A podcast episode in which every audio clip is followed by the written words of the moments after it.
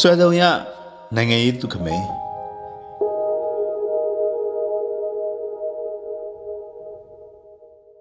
နေချက်စန့်ကျင်ရေးအမျိုးသားလွတ်လပ်ရေးနဲ့အတူမြန်မာနိုင်ငံရေးရဝင်းထဲမှာကျောင်းသားကအစကျောင်းဆရာတင်းစာဆရာစာရေးဆရာတွေနဲ့နိုင်ငံရေးသမားဖြစ်လာရတဲ့သူတွေများစွာရှိခဲ့ပါတယ်ဒီလူတွေထဲမှာဒီလိုဥပချိုကတော့ဆွဲစုံရ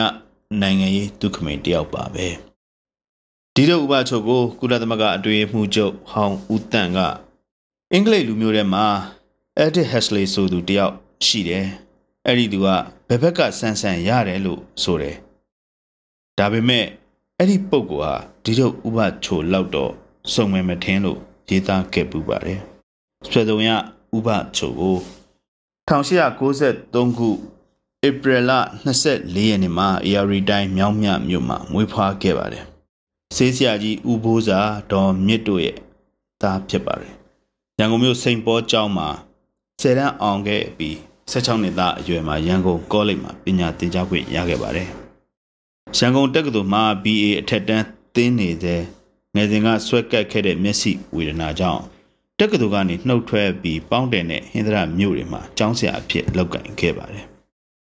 ဥပချောအားလော်ကီလောကုတ္တရာနှစ်ဖြာသောစာပေဘူးတုတတွေမှာနှံ့ဆက်သူဖြစ်ပါတယ်မြမလေးမဂဇင်းနှစ်ပါးကြည်ဂျာနယ်ဗန္ဓုလဂျာနယ်တွေမှာကြပြစောင်းပါးတွေဝင်ရောက်ရေးသားခဲ့ရကနေဂျာနယ်သင်းလောကတွေရောက်လာခဲ့ပြီး1925ခုနှစ်မှာဒီလုတ်ဂျာနယ်ကိုထုတ်ဝေခဲ့ပါတယ်သူရဲ့ဒီလုတ်ဂျာနယ်ကိုမြို့သားလွတ်လပ်ရေးတိုက်ပွဲမြို့သားပညာရေးမြို့သားယဉ်ကျေးမှုထိန်းသိမ်းရေးတို့အတွက်ရှေ့တန်းအောင်လံဂျာနယ်တစ်စောင်းလို့ လူသိများခဲ့ပြီးအဲ့ဒီဂျာနယ်ရဲ့အမည်ကို သူ့အမည်မှာတွဲပြီးဒီတို့ဥပချိုးလို့အများကသိခဲ့ကြပါတယ်ဒီတို့ဂျာနယ်တော်အုပ်လုံးမှာလဲကလောင်အမည်အမျိုးမျိုးနဲ့ကြပြဝတ္ထုစောင်းမတွေကိုရေးသားခဲ့ပါတယ်1938ခုနှစ်အောက်တိုဘာလ23ရက်နေ့မှာဒီတို့ဂျာနယ်ကိုနေ့စဉ်ထုတ်သတင်းစာအဖြစ်ပြောင်းလဲထုတ်ဝေခဲ့ပါတယ်ဥပချိုဟာစာပေဘက်မှာဩဇာကြီးယုံမကစေကျန်းနက္ခတဗေဒကျမ်း အဂရိပညာဗေဒင်ရာဇဝင်သမိုင်းလောကဓာတ်ပညာတွေမှာလည်းနိုင်နှင်းသလိုရုပ်ရှင်ပကြီးဓာတ်ပုံပညာတွေကိုလည်းကျွမ်းကျင်နိုင်နှင်းသူဖြစ်ပါတယ်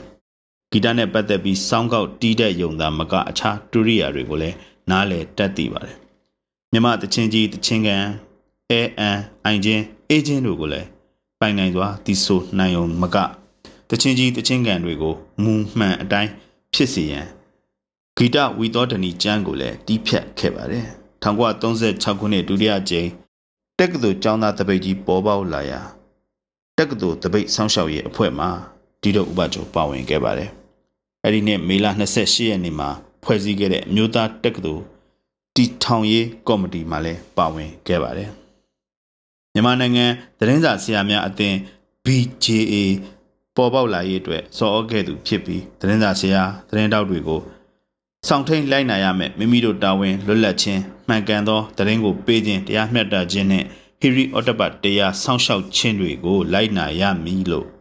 ဝတ္တရား၅မျိုးကိုချမှတ်ခဲ့သူလည်းဖြစ်ပါတယ်။ဥပချိုဟာဂျပန်ခေတ်အစိုးရလက်ထက်မှာတိုင်မင်ငံလွှတ်တော်အမတ်ဖြစ်ထမ်းဆောင်ခဲ့ပြီးမြန်မာနိုင်ငံလုံးဝလွတ်လပ်ရေးရရှိရေးကြိုးပမ်းရန်အတွက်ဖဆပလအဖွဲ့ချုပ် ဖွဲ့စည်းသောအခါမှာဝင်ရောက်ဆောင်ရွက်ခဲ့ပါတယ်။တိုင်းပြုပြည်ပြုလွှတ်တော်မှာဖွဲ့စည်းပုံအခြေခံဥပဒေရေးဆွဲရေးကော်မတီအဖွဲ့မှဗိုလ်ချုပ်အောင်ဆန်းတခင်များတို့နဲ့အတူအထူးအပင်ပန်းခံဆောင်ရွက်ခဲ့ပါတယ်1948ခုဇူလိုင်လ19ရက်နေ့မနေ့10:38မိနစ်မှာခေါင်းဆောင်ကြီးတွေနဲ့အတူလောက်ကြံခံရပြီးမွန်းလွဲတနာရီ45မိနစ်အချိန်မှာကွယ်လွန်ခဲ့ပါတယ် အာဇာနည်ကောင်းဆောင်ကြီးဒီတို့ဥပချိုကွယ်လွန်ချိန်မှာအသက်54နှစ်ရှိပြီးဇနီးဒေါ်လှမေနဲ့သမီး၄ယောက်ကျန်ရစ်ခဲ့ပါတယ်ဒီတို့ဥပချိုလိုဆွဲစုံရပုဂ္ဂိုလ်တူဆုံးရှုံးရခြင်းဟာတိုင်းပြည်အတွက်များစွာနစ်နာခဲ့ရခြင်းမဟုတ်ပါလားဗျာ။